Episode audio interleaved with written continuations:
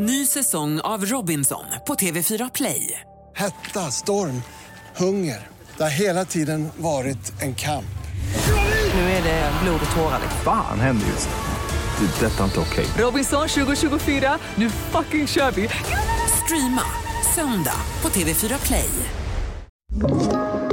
Podplay.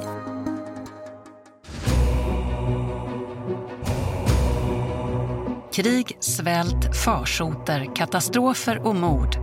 Sveriges historia är full av hemskheter.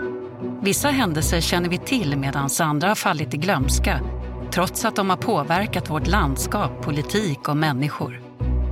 I veckans avsnitt berättar vi om en av de värsta fabriksbränderna i svensk historia. Branden i Vulkans tändsticksfabrik. Hur ledde dåliga arbetsförhållanden och en bristande människosyn till ett 40-tal unga kvinnors död? Och var det en tragedi som den här branden som krävdes för att reformera arbetsvillkoren för svenska arbetare?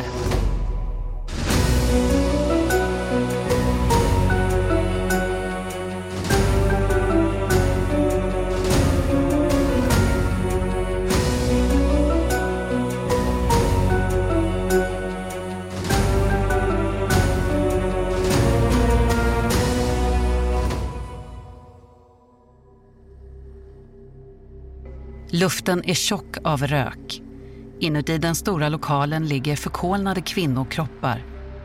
Kvinnorna var arbetare i Vulkans tändsticksfabrik och scenen som precis utspelat sig går inte att beskriva som annat än en fruktansvärd tragedi. Vi befinner oss i Tidaholm i Västergötland år 1875. Industrialiseringen av Sverige är i full gång och snart ska arbetarrörelsen med fackförbund och krav om bättre arbetsvillkor växa fram. Men där är vi inte än. Inte i tändsticksfabriken i Tidaholm där en rad brister i arbetsförhållanden och säkerhet nu slutligen hade lett fram till en förödande olycka. Vad var det som hände den där dagen som tog så många människoliv?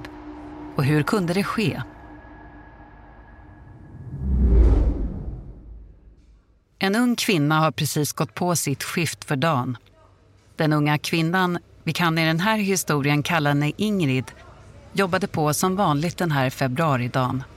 Hon rörde sig mekaniskt, metodiskt och vant. Hon var 19 år gammal och hade jobbat i fabriken i några månader. Men hon var trött och sliten, kroppen värkte och huvudet dunkade av dålig sömn och bristen på dagsljus. Hennes 12 timmars dag var ännu inte över på flera timmar. Hon fortsatte förpacka tändstickorna systematiskt, en efter en. Som vanligt knackade hon på asken för att packa ihop stickorna närmare varandra. Men den här gången gjorde friktionen att en av tändstickorna fattade eld. Det var vanligt med småbränder i fabriken och enligt rutinerna skulle man hålla kvar tändstickan tills den brann ut eller doppa den i vatten Ingrid såg skräckslaget på hur asken brann i hennes hand. Plikttroget höll hon kvar i den trots att elden smälte sönder hennes hud på fingrarna. Till slut tog hennes kroppsinstinkter över. Hon kastade undan asken och skrek när hon såg hur huden på handen färgats illröd och blivit uppfläkt av elden. Och då hände det. Den brinnande asken ramlade rakt mot högarna med tändstickor. En efter en gick askarna upp i lågor och lokalens arbetande kvinnor stannade upp. Ingrid stod kvar och såg eldinfernot utspela sig. Snart skulle nästan alla i salen vara döda.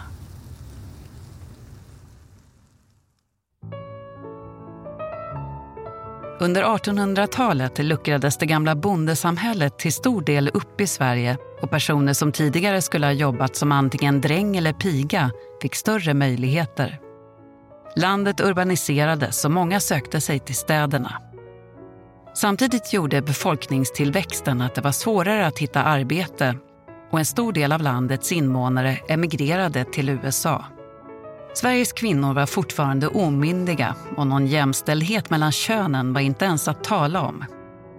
Men kvinnans ställning i samhället blev under det här århundradet en omdebatterad fråga.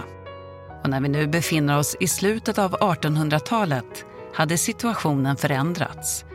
Liberala reformer i landet gav kvinnorna myndighet och rätt att bedriva näringsverksamhet. Kampen för jämställdhet var igång men kvinnors underordnade ställning var fortfarande kvar. Och tändsticksfabriken Vulkan var inget undantag när det gällde ojämlikhet.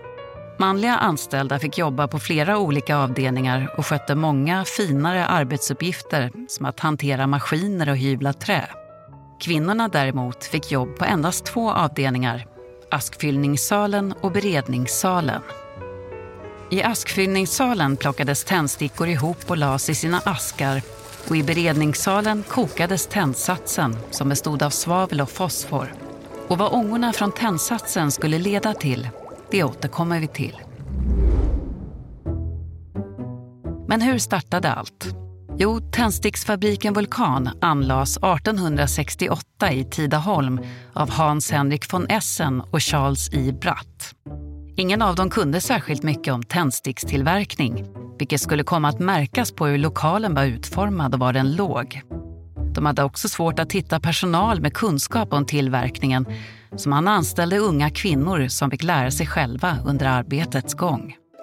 Kvinnorna var ofta inte mer än tonåringar när de började arbeta och de var en grupp i samhället som inte hade så mycket till val än att ta de jobb som erbjöds. Företaget erbjöd arbetarna vissa förmåner som också lockade. Det fanns en handelsbod, ett slakteri med köttförsäljning och enklare restaurang. Arbetarna fick betala på kredit och blev på så sätt ännu mer beroende av företaget. En gratis livförsäkring erbjöds också mot att arbetarna skrev under ett omfattande avtal. Livförsäkringen låg på 1000 kronor för männen och 500 kronor för kvinnorna. Ett kvinnoliv var värt hälften så mycket som hennes manliga kollegors. Och så påbörjades produktionen, om än med en tuff start. Redan första året brann nämligen lokalen ner och fick byggas upp igen. Efter det skedde småbränder nästan dagligen, men man gav inte upp för det. År 1872 fick produktionen en ny chef, George Murray. Under hans ledning utvecklades företaget och nådde stora framgångar. Trots att de vid det här laget bara var drygt 300 anställda producerades omkring nästan 200 000 askar per dag. Det var ett rasande tempo i produktionen och i jakten på framgång och pengar var det de anställda kvinnorna som fick lida. För bakom den begynnande framgångssagan fanns ett mörker. Lönerna var usla och arbetsvillkoren ännu sämre.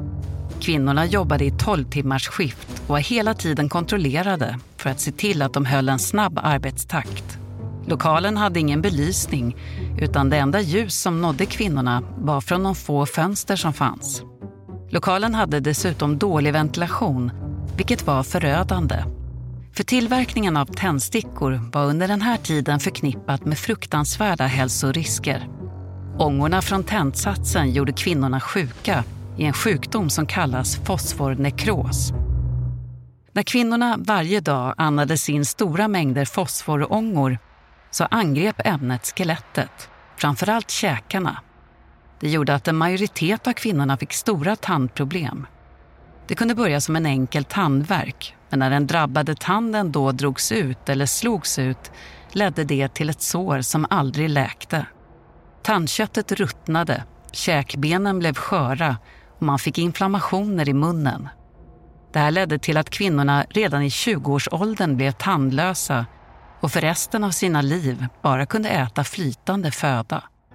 På den här tiden kunde man inte behandla inflammationer med antibiotika så i vissa fall fick man operera bort hela underkäken. Och när det inte gick så var utgången av sjukdomen ofta döden. Förruttnelsen i käkarna gjorde att de luktade illa och det beskrivs hur personer med fosfornekros stank så mycket att det var helt outhärdligt att vara nära dem. Sjukdomen blev därför också förknippad med mycket skam och socialt lidande för de unga kvinnorna. Och unga, det var de. De flesta var tonåringar eller i 20-årsåldern. Men många som jobbade i fabriken var till och med barn, så små som 11 år gamla. Trots att det var förbjudet att låta barn under 12 år arbeta var det vanligt förekommande eftersom det var billig arbetskraft. De usla lönerna gjorde dessutom att vissa familjer tvingade barnen att arbeta tillsammans med mödrarna i fabriken för att de skulle klara försörjningen och dryga ut kassan med den extra inkomsten. Varmt, mörkt, stressigt och riskabelt. Som var vardagen för kvinnorna på fabriken. Och en februaridag skulle alla farhågor bli verklighet. Ny säsong av Robinson på TV4 Play. Hetta, storm, hunger. Det har hela tiden varit en kamp. Nu är det blod och tårar. Fan händer just nu. Det. är Detta är inte okej. Robinson 2024, nu fucking kör vi! Streama söndag på TV4 Play. Poddtips från Podplay. I podden Något Kaiko garanterar östgötarna Brutti och jag, Davva, dig en stor dos skratt. Där följer jag pladask för köttätandet igen. Man är lite som en jävla vampyr. Man har fått lite blodsmak och då måste man ha mer. Udda spaningar, fängslande anekdoter och en och annan arg rant. Jag måste ha mitt kaffe på morgonen för annars är jag ingen trevlig människa. Då är du ingen trevlig människa, punkt. Något Kaiko, hör du på Podplay. Därför är gardinerna. 18 februari år 1875. Det var tidigt på dagen och en ung kvinna hade, som vi vet, precis råkat få eld i en tändsticksask. I panik släppte hon den ifrån sig och den kom i kontakt med de andra oförpackade tändstickorna som stod uppradade i lokalen. Elden spred sig explosionsartat mellan tändstickorna som en stubintråd. Just den här dagen fanns det dessutom extra många packade tändstickor och 350 travar av stickor till 4 000 askar stod öppet i byggnaden utan någon slags förpackning eller skydd. Panik utbröt och arbetarna sprang mot utgången. Men där tog det stopp. För fabriken var uselt utrustad för krissituationer. Dörrarna var inåtgående, vilket gjorde att de blockerades istället för att öppnas när kvinnorna i panik tryckte på för att komma ut. De få fönster som fanns gick inte heller att öppna tillräckligt snabbt eftersom de var fastfrusna. Lokalen var gjord av trä och inte byggd för att skydda personalen vid eventuella bränder. Och snart var hela den 16 meter långa byggnaden fylld av lågor. Kvinnorna var fast.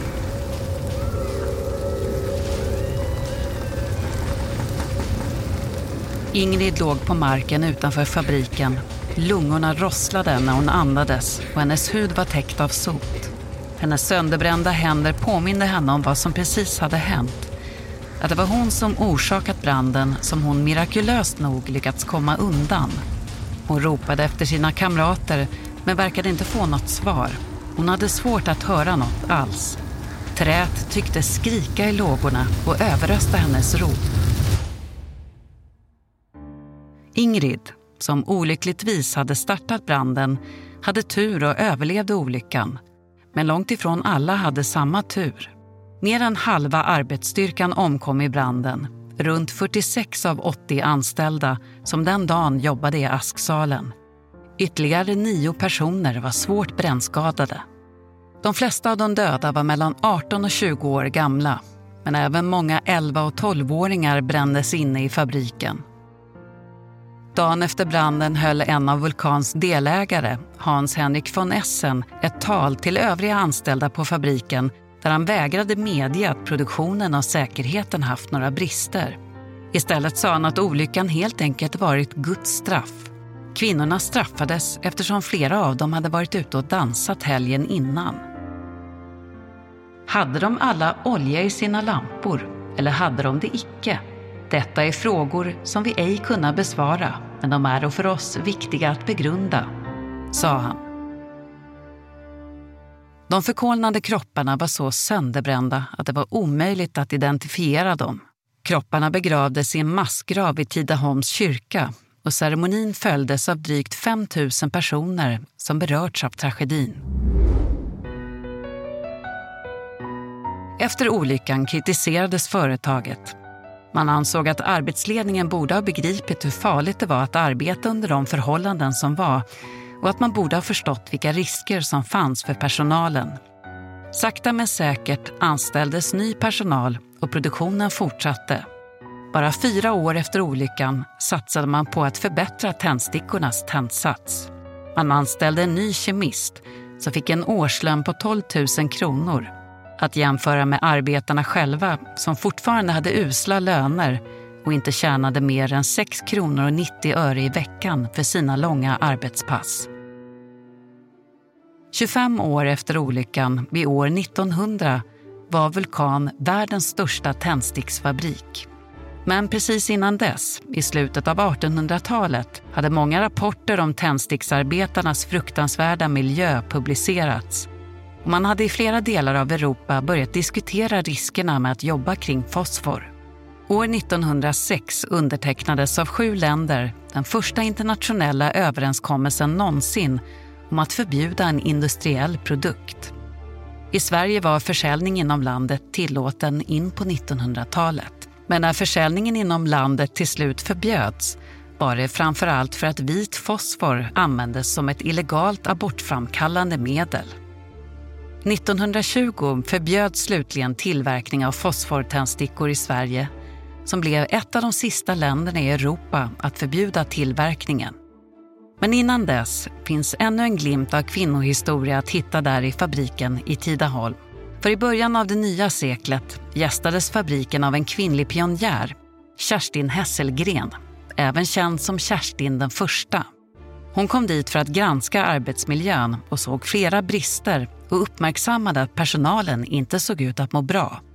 Kerstin Hesselgren blev senare Sveriges första kvinnliga yrkesinspektör och en av landets första kvinnliga riksdagsledamöter när hon i valet år 1921, det första val som kvinnor fick rösta och delta i, blev invald i första kammaren.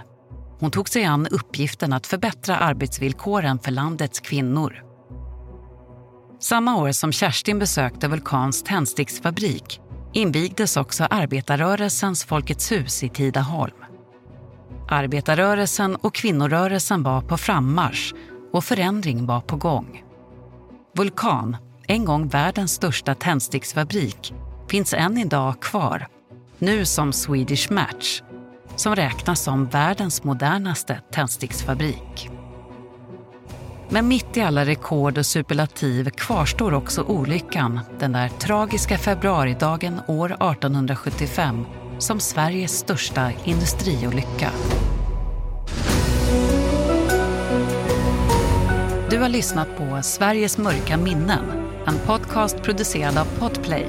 Manus skrevs av Ayla Karlsson, ljudläggning och musik av Kristoffer Folin och producent är Oliver Bergman.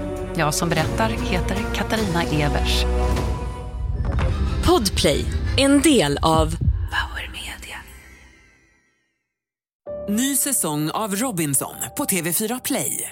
Hetta, storm, hunger. Det har hela tiden varit en kamp. Nu är det blod och tårar. Fan händer just nu. Det. är Detta är inte okej. Robinson 2024, nu fucking kör vi! Streama söndag på TV4 Play.